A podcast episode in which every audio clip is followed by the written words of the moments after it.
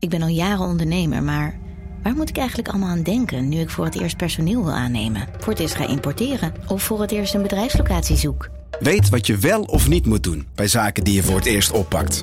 Check kvk.nl voor praktische stappenplannen. KVK, hou vast voor ondernemers. Hey podcastluisteraar. Ook op zoek naar een relevante invulling van je schaarse luisteruren? Tune dan in op de podcastserie ESG, even samengevat van BNP Paribas. Wij, Marloes en Aldert, spreken daar duurzame voorlopers en wereldverbeteraars. Waarover dan? Nou, bijvoorbeeld of we ooit duurzaam kunnen gaan vliegen. En waarom koeien in de stad nou een goed idee is? Dat en meer elke twee weken in een nieuwe aflevering. Dus abonneer je. ESG, even samengevat.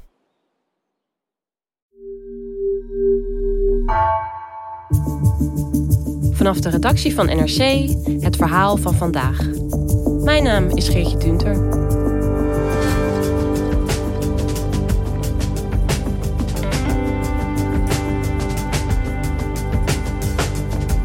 Een kopbal, een schop of een flinke val. In topsport kan het er hard aan toe gaan. En vaak genoeg moet het hoofd de klappen opvangen. Hersenschuddingen komen daarom veel voor en vereisen lange revalidatie. Maar sporters en coaches zijn vaak ongeduldig. Sportjournalist Enzo van Steenbergen sprak met sporters die jaren last hebben gehouden van die ene hersenschudding.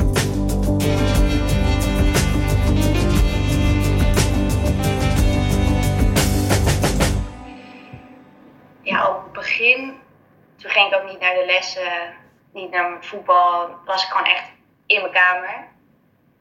En dat was heel vervelend. En op een gegeven moment ging ik weer meer naar buiten. Maar ik merkte bijvoorbeeld als ik in de klas zat met de lichten, dat het gewoon veel te veel prikkel was voor me. Dus dat was wel dat was heel confronterend. Dit is Fenna Maarsen, 22 jaar. En ze voetbalt al heel lang, sinds haar vierde. Sinds 2017 leeft ze eigenlijk haar droom. Ze voetbalt voor een prestigieuze universiteit in de Verenigde Staten. Dus ze is heel goed en ze wordt populair in het team. Maar in het tweede jaar gebeurt er iets wat haar hele leven verandert.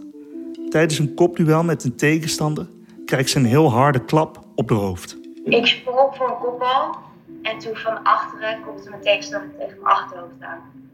En toen op dat moment zelf was zij er veel erger toe dan ik.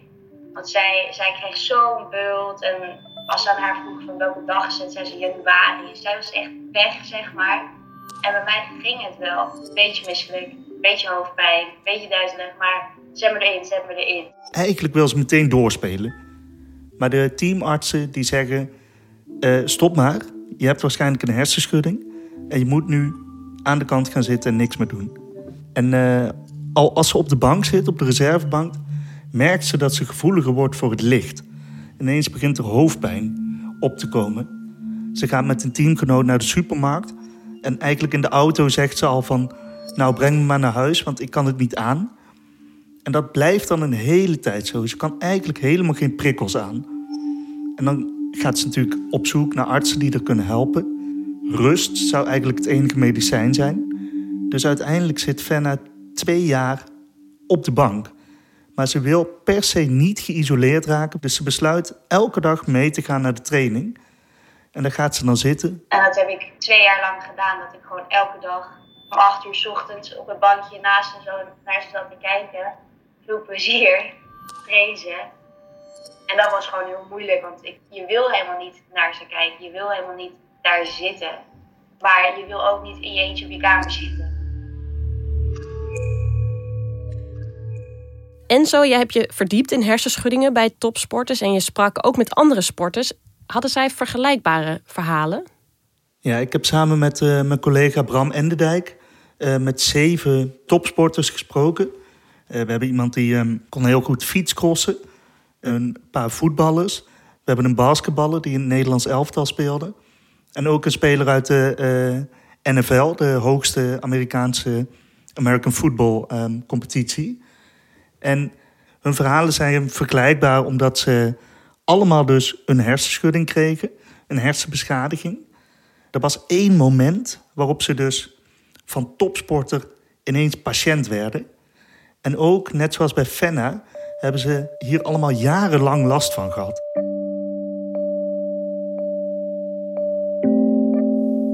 En kan je eens vertellen, wanneer is er eigenlijk sprake van een hersenschudding? Wat zijn dan de symptomen? Wat de meeste van deze mensen wel hebben meegemaakt, dat is dat je al heel snel niet meer tegen licht en geluid kunt. Dus je hebt het gevoel dat er heel veel prikkels op je afkomen en die kun je niet meer goed verwerken. Wat lastig is dat je dat aan de buitenkant niet ziet. Dus mensen die voelden zich, soms begonnen ze ook te twijfelen aan, is het wel zo erg? Want ik zie er nog gewoon hetzelfde uit, maar ik kan ineens helemaal niets meer aan. Ik heb bijvoorbeeld uh, gesproken met Jos Frederiks, oud basketballer. Speelde voor een topteam in Nederland, de Eiffel Towers. Uh, en ook in het Nederlands elftal. En hij zegt eigenlijk van ja, hersenschuddingen hoorden er soms een beetje bij.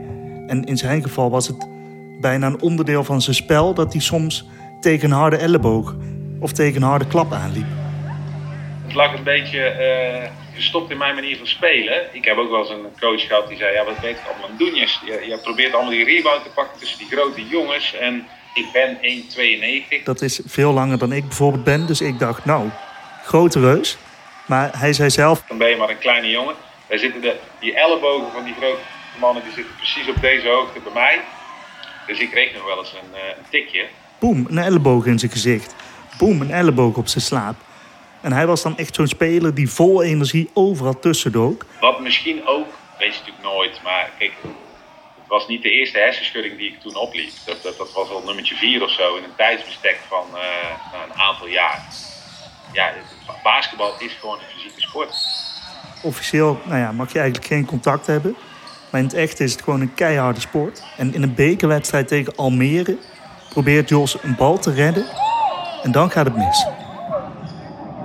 Het eerstvolgende wat ik weer weet is dat ik in een time-out zat. En nou, die time-out was over en ik zei tegen de coach, ik zeg, ik blijf even zitten. En hij keek me aan en hij zei, ja, dat snap ik. En dan vraagt hij aan een ploeggenoot, wat, wat is er eigenlijk gebeurd? Waarom zit ik hier?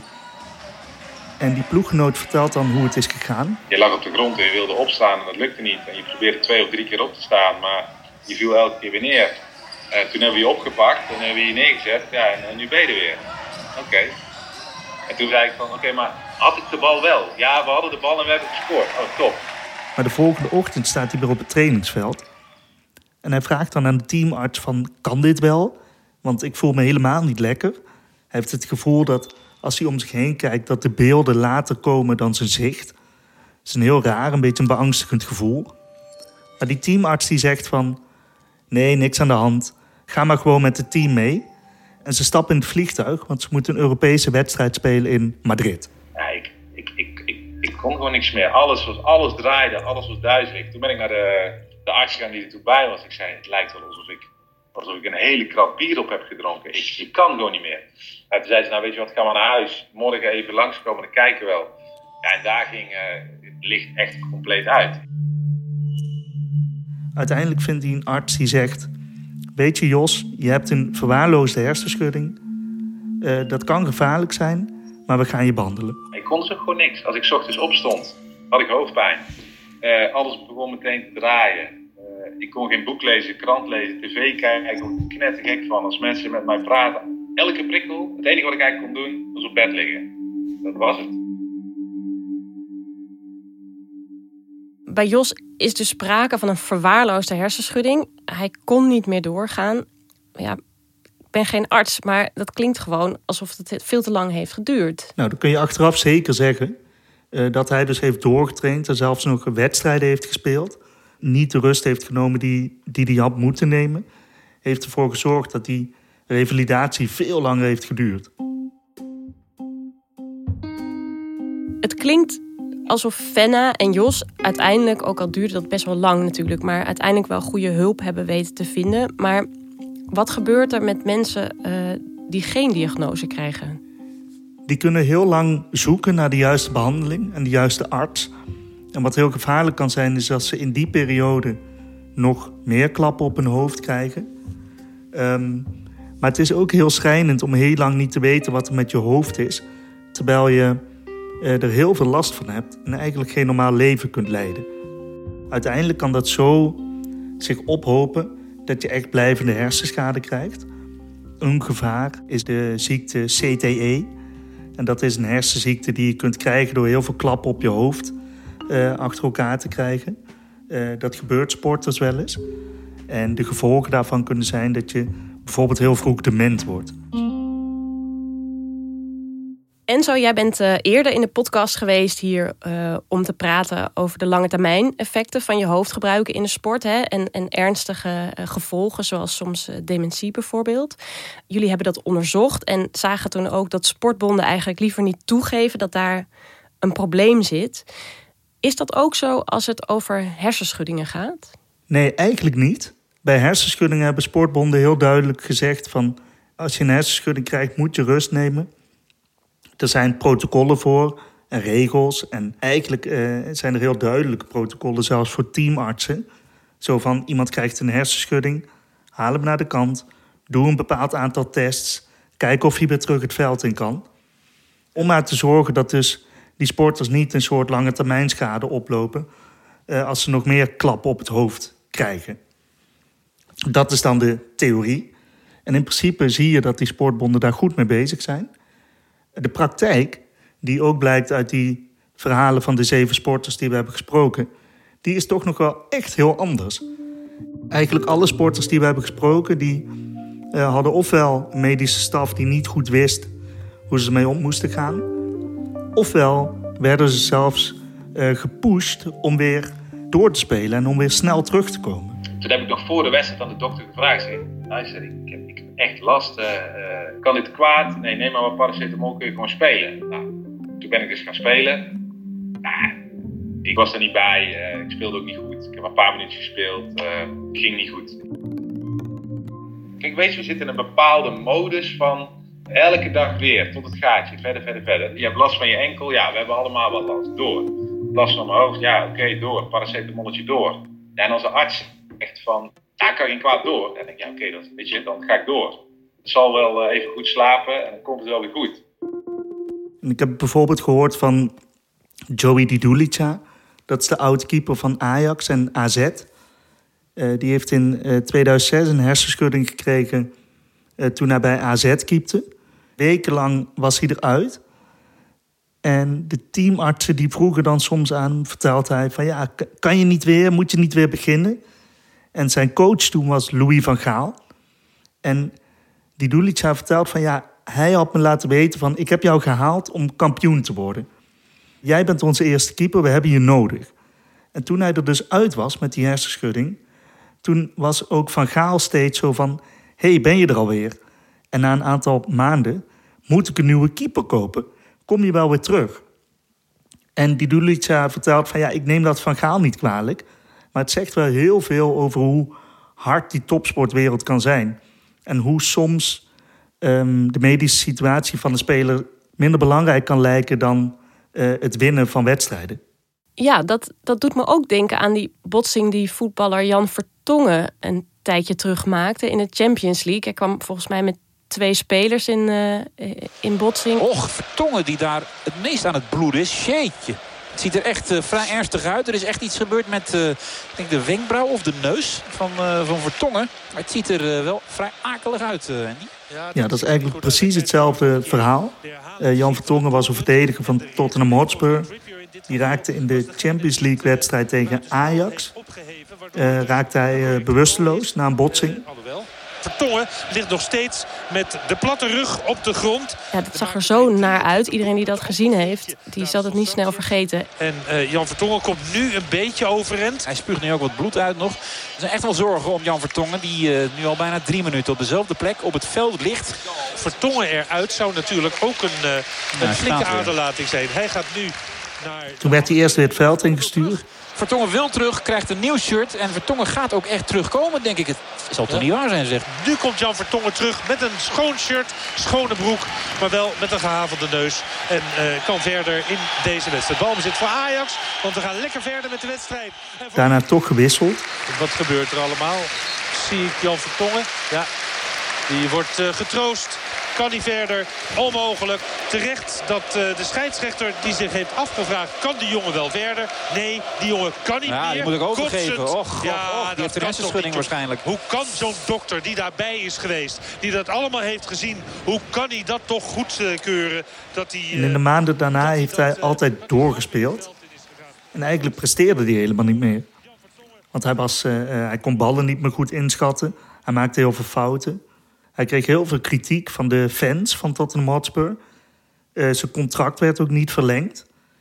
En eigenlijk pas geleden heeft hij verteld in de Belgische media...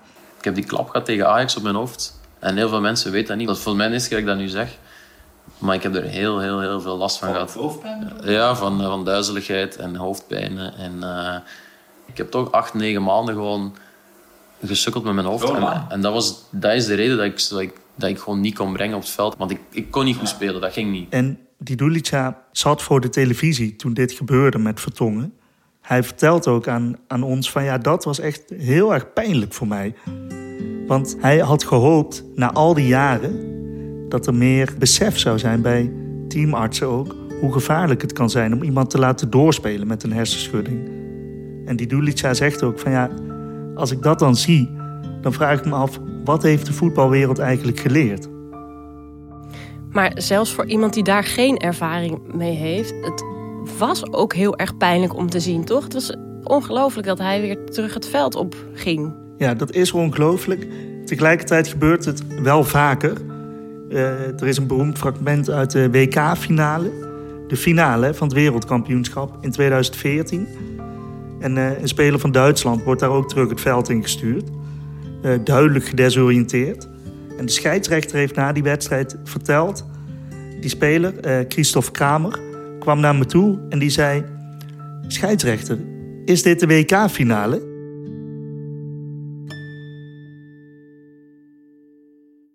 Even, even samenvattend en zo. Uh, hersenschuddingen komen dus vaak voor en kunnen hele grote gevolgen hebben als je ze niet behandelt. Op papier, zei je net al, uh, lijkt het in de sport wel goed geregeld, maar de praktijk is uh, weerbarstig en sporters houden niet genoeg rust. Wat zouden we nog kunnen doen om hen meer te beschermen? Ja, dat is een goede vraag. Nou ja, je kunt denken als oplossing aan: maak dat contact met je hoofd nou minder. Nou, dat is best wel moeilijk, want dan moet je echt het hele spel veranderen. Dus waar de sportbonden nu zelf vooral aan denken is... hoe kunnen we de medische begeleiding uh, verbeteren? En daar zie je ook al wel de eerste stappen in. Welke stappen zijn dat dan? Wat zie je? Nou, wat interessant is, is dat de, uh, de FIFA, de Wereldvoetbalbond... die heeft een tijdje geleden een test aangekondigd... met een uh, extra wisselmogelijkheid in het voetbal. Dus je mag als team een bepaald aantal keer wisselen... Nou, dan heb je natuurlijk heel erg die prikkel van die speler moet terug. Anders spelen we met iemand minder.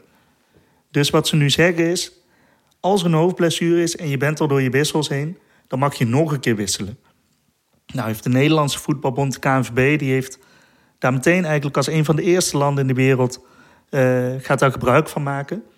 En vanaf uh, dit weekend mag er dus in de eredivisie en de eerste divisie, de hoogste Nederlandse competities, mag er een extra wissel plaatsvinden bij een hoofdblessure.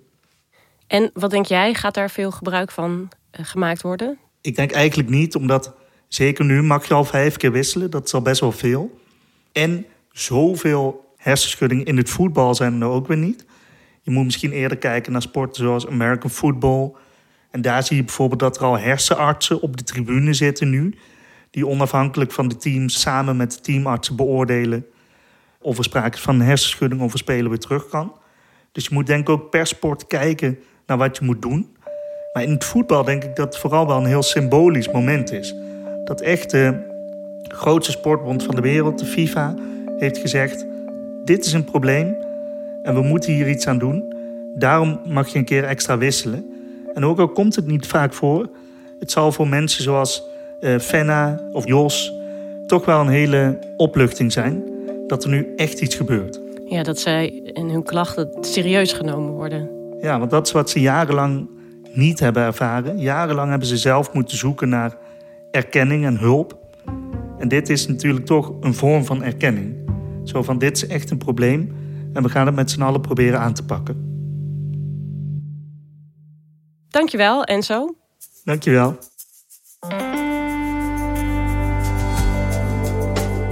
Je luisterde naar Vandaag, een podcast van NRC. Eén verhaal, elke dag. Deze aflevering werd gemaakt door Misha Melita en Jan-Paul de Bond. Chef van de audioredactie is Anne Moraal. Dit was vandaag, maandag weer.